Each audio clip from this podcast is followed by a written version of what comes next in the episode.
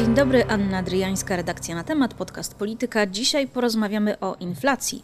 Dlatego naszym gościem jest Konrad Bagiński, dziennikarz ekonomiczny z serwisu inpoland.pl, siostrzanego serwisu na temat. Dzień dobry, Aniu, witajcie. Konradzie, zaprosiłam Cię po to, żebyś e, wytłumaczył inflację dla żółtodziobów. Ja jestem przedstawicielem żółtodziobów, przedstawicielką. Co to w ogóle jest inflacja? Czy inflacja to jest drożyzna? Czy można postawić znak równości? E, Wiesz co, to jest bardzo trudne pytanie, bo definicji inflacji jest kilka e, i nie chciałbym się wdawać w jakieś akademickie spory. W każdym razie inflacja jest zdecydowanie powiązana ze wzrostem cen i przede wszystkim ze spadkiem wartości pieniądza. Mamy po prostu za dużo pieniędzy na rynku i to jest no, trochę jak z truskawkami, tak? E, Jeżeli e, na początku truskawki kosztują powiedzmy 10 zł za kilo, jest ich mało, a potem jest ich więcej, to ich wartość spada i możesz je kupić za 5 zł. Podobnie jest z pieniądzem dużo pieniędzy na rynku, jego, ich, ich wartość spada. Czyli co to znaczy, że w czerwcu 2022 y, w bieżącym roku GUS mówi inflacja wyniosła 15,6%. Co to konkretnie oznacza te 15,6%? To znaczy w bardzo praktycznym wymiarze, że ceny od, w ciągu ostatniego roku, czyli od czerwca 2021, wzrosły o te 15,6%. To jest oczywiście wynik bardzo uśredniony, ponieważ GUS liczy to na przykładzie pewnego teoretycznego koszyka zakupowego. E, Czyli dla statystycznego Polaka ceny średnio wzrosły właśnie o tyle i o tyle też e, straciły na wartości jego oszczędności. Ale nie bez kozery mówi się, że każdy ma własną inflację, bo nie ma dwóch takich samych gospodarstw domowych. Czyli te, te, te faktyczne 15,6% może dotyczyć jakiejś, e, jakiejś liczby ludzi, ale inni mogą mieć inflację wyższą albo niższą. To znaczy ich e, oszczędności mogły stracić więcej, mniej i, i przede wszystkim oni mogli więcej lub mniej wydawać pieniędzy e, w porównaniu do czerwca zeszłego roku. Ale gdybyśmy popatrzyli na takie bardzo uśrednione wyniki statystycznego Polaka, typy idealne, to rozumiem, że to znaczy, że jeżeli w czerwcu 2021 coś kosztowało 100 zł, to Tak teraz jest. kosztuje 115,6 tak, zł. jest, 115,60. 60 groszy, tak. Em, no okej, i teraz em, mamy badania Ibrisu dla Radia Z, które wykazują, że 86,2% y, Polaków odczuło wzrost cen, Em, w tym znaczna z nich część em, bardzo odczuła, ale 8,6% ankietowanych tego wzrostu nie odczuło. Czy to jest możliwe, żeby nie odczuć inflacji na poziomie 15,6%? E, Tak. e, p- p- W ekonomii jest t- tak, że inaczej. Nie odczuli tego naj- na pewno najbogatsi, ponieważ dla nich ten wzrost nie był dotkliwy. Inflacja uderza przede wszystkim w osoby najuboższe, bo dla nich te 15,6% przeliczone na pieniądze oznacza bardzo, oznacza realny wzrost wydatków. Bo to jest największa, to jest y, większa część ich budżetu To niż jest u większa osób część ich bogatych. budżetu. Tak, w ekonomii jest takie prawo Engla, które mówi o tym, że wraz ze wzrostem dochodów procentowy udział wydatków na żywność maleje. Załóżmy, że żywność jest właśnie tym, t- tym odnośnikiem. Czyli im ktoś zarabia więcej, tym, tym procentowo mniej wydaje na, na, na żywność. Po prostu mniej przejada. Nie jest w stanie wydać więcej na żywność, nie wydaje więcej na żywność. Natomiast w budżecie osób e, uboższych e, żywność stanowi na przykład dużo, dużo większy, dużo większy procent, tak? ponieważ oni nie wydają pieniędzy na zbytki. No, nie mogą ich wydawać, bo nie mają na Bo, to. bo, nie, bo nie mają. Dlatego, dlatego najubożsi odczuwają inflację bardziej, a ci bogaci trochę mniej. Czyli na przykład taki prezes Glapiński może czegoś takiego jak inflacja nie zauważyć. E, oczywiście, no, tym bardziej, że on może sobie iść na kawę za 20 zł i nie uznać tego za wiem, zbyt, zbyt wysoką cenę.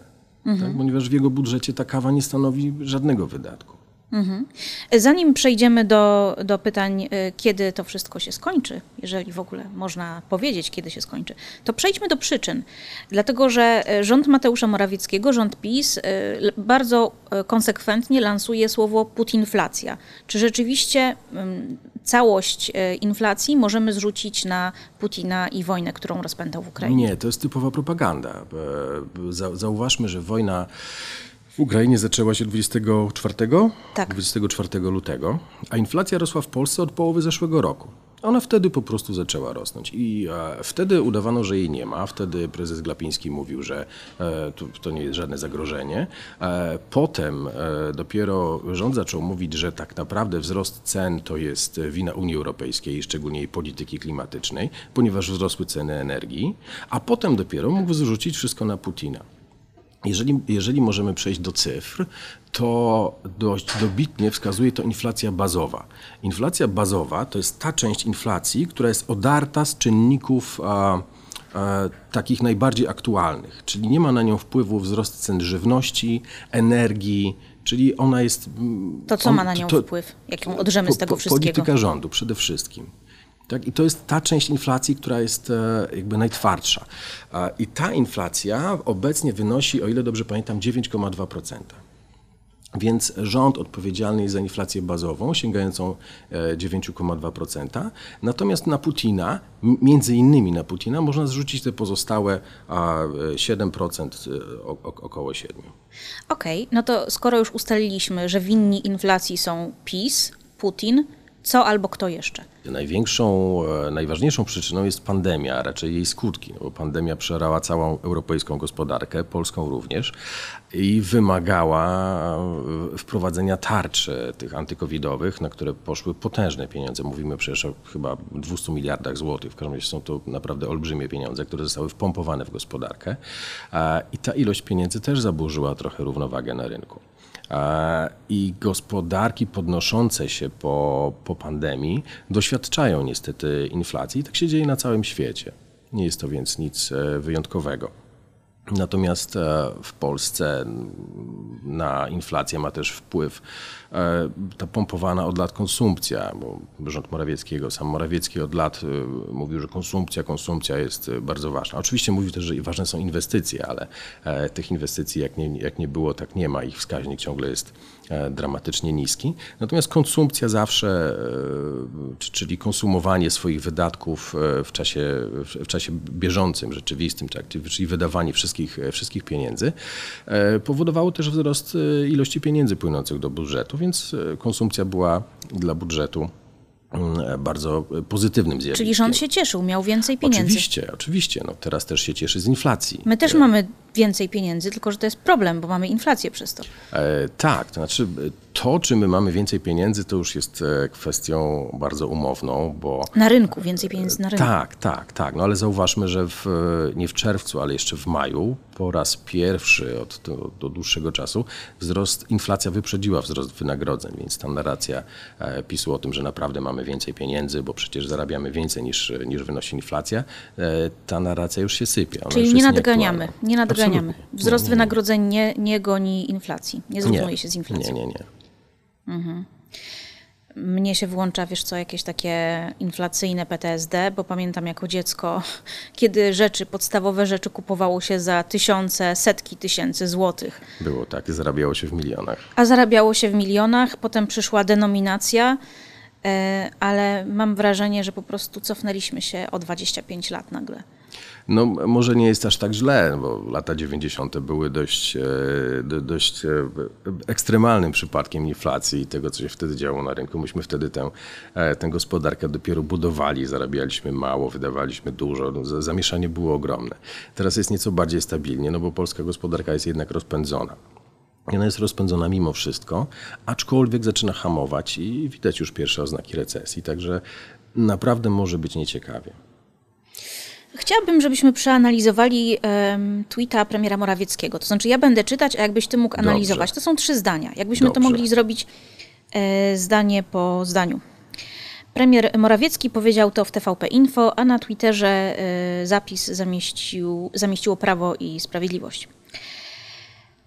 Walczymy z inflacją wszelkimi możliwymi sposobami. Ech. No, trudno w ogóle coś, coś na ten temat powiedzieć, no bo czy rząd walczy z inflacją? Rząd pod płaszczykiem walki z inflacją walczy ze skutkami inflacji, e, czyli wszelkie, wszelkie obniżenia podatków, e, dopłaty, wzrost pensji minimalnej i wszelkich świadczeń to są rzeczy, które mają łagodzić skutki inflacji, czyli sprawiać ją bardziej przyjazną dla ludzi, mniej dotkliwą, powiedzmy sobie tak. Natomiast z samą walką inflacją nie ma to że, że, że, że to, to, się nie klei. To nie jest walka z inflacją. To jest wręcz dolewanie oliwy do ognia, czyli wrzucanie pieniędzy na rynek. No tak, tylko tutaj na przykład wiceminister finansów Soboń mówi, są dwa sposoby walki z, infra, z, inflacją. My wybraliśmy ten wrażliwy społecznie, bo przecież tak jak mówisz, to najbiedniejsi, e, najubożsi najbardziej odczuwają inflację, więc im trzeba pomóc. Tak, im trzeba pomóc i tego nikt nie neguje. Natomiast e, trzeba gdzieś to wszystko wypośrodkować. E, my na razie mamy taki, te, te, taki środek, że NBP faktycznie podnosi stopy procentowe e, i czyni pieniądz droższym i trudniej dostępnym. Natomiast rząd dorzuca tych pieniędzy na rynek i to się to nie przynosi kompletnie żadnego efektu, jeżeli chodzi o walkę z inflacją. Czyli Inflacja jedni rośnie. gaszą, inni dorzucają do pieca? Tak. E, przypomnijmy sobie, co było hmm. mówione mniej więcej pół roku temu, że, na, że w połowie roku inflacja powinna osiągnąć szczyt i zacząć spadać. Ten szczyt się ciągle przesuwa. Przed chwilą było teraz mowa o wrześniu, o teraz się mówi o sierpniu, teraz się mówi o jesieni już. Więc ten szczyt jest ciągle odsuwany. Mhm. Ta inflacja mogłaby być krótsza, owszem, bardziej dotkliwa, natomiast ona jest bardziej rozciągnięta. Czy mniej dotkliwa, nie powiedziałbym. Mhm. Okej, okay, przejdźmy do następnego zdania mm, premiera Morawieckiego. Przymuszamy banki, aby obniżały WIBOR. Wprowadzamy wakacje kredytowe. Czy wakacje kredytowe są dobrym sposobem walki z inflacją? Nie powiedziałbym. Wręcz przeciwnie, one, bo one rozwadniają te podwyżki stóp procentowych. E, I, a zmiany, zmiany w WIBORze być może są uzasadnione, tak? bo WIBOR faktycznie jest e, czynnikiem, wskaźnikiem bardzo sztucznym. E, natomiast czy dłubanie w nim akurat teraz jest dobrym pomysłem, nie wiem. To jest bardzo trudne zagadnienie. Mhm. No i stanie ostatnie. Poprzedni rząd PO nie podejmował takich kroków, nawet nie szukał takich rozwiązań. No, to jest bardzo ciekawe zdanie. Dzisiaj sam widziałem, jestem nim szczerze ubawiony, no bo jak rząd PO miał szukać e, sposobów walki z inflacją, skoro inflacji nie było, a była nawet deflacja, czyli e, inflacja ujemna, tak? czyli pieniądz zyskiwał na wartości. No, jeżeli ktoś nie ma inflacji, to nie musi z nią walczyć. Czyli e, jeżeli moglibyśmy tak skondensować tego tweeta, to mamy albo rzeczy nie na temat, albo nieprawdziwe. Mm, tak mi się wydaje. Takie jest moje zdanie. Mhm. Um, Okej, okay. chcę przejść do jakichś bardziej pozytywnych rzeczy. Przynajmniej mam taką nadzieję, że przejdziemy do czegoś pozytywnego. Czy inflacja może się skończyć? Y, y, może się skończyć i musi się skończyć, tylko nie wiadomo kiedy. I e, czy, czy, czy, czytałem analizy wielu ekonomistów i oni też nie za bardzo wiedzą, bo ona faktycznie być może osiągnie szczyt jesienią i zacznie wtedy spadać. Ale do tego jest jeszcze trochę czasu i jest bardzo wiele zmiennych. Więc jesień jest prawdopodobna, natomiast czy ona jeszcze będzie rosła, to jest e, zasadnicze pytanie, no bo niektórzy wieszczą, że może do, przekroczyć 16%, a nawet dobić do 20% na co zresztą rząd już nas chyba przygotowuje, bo rzecznik e, Piotr Miller e, mówił o 20% inflacji, że ona zależy tylko i wyłącznie od Putina, co, co, co nie jest prawdą oczywiście, ale te 20% gdzieś w rządowej narracji się pojawia. Więc czy ona będzie aż tak wysoka, nie wiadomo. Więc jakbyś dostał pytanie jako dziennikarz ekonomiczny, kiedy spadną ceny żywności, wiedziałbyś jak odpowiedzieć? Nie miałbym zielonego pojęcia. Ale strzelałbym, że być może jesienią, a już na, na wiosnę to powinny. Mhm. To na jakim etapie jesteśmy teraz y, inflacji? Jesteśmy nadal na etapie rozpędzania się. Jesteśmy na etapie rozpędzania się i wszystkie wskaźniki na to, na, na to wskazują. Dzisiaj mamy 15,6. To są wstępne dane za czerwiec. Miesiąc temu było ile? 13,9. A jeszcze miesiąc wcześniej, o ile dobrze pamiętam, 12,7. Ta inflacja bazowa też się rozpędza. Z poziomu 7,5, 8,5, e, teraz 9,2. Więc ona się ciągle rozpędza. E, okej, okay, ja bym wróciła do tego wątku, który poruszyłeś e, kilka minut temu. Prezesa Glapińskiego, jednego z najbardziej zaufanych ludzi Jarosława Kaczyńskiego, tak swoją drogą, e, który w zeszłym roku, jak mówiłeś, no tą inflacją tak się w ogóle nie przejmował. I teraz jest moje głupie pytanie. Dlaczego? Dlaczego się nie przejmował?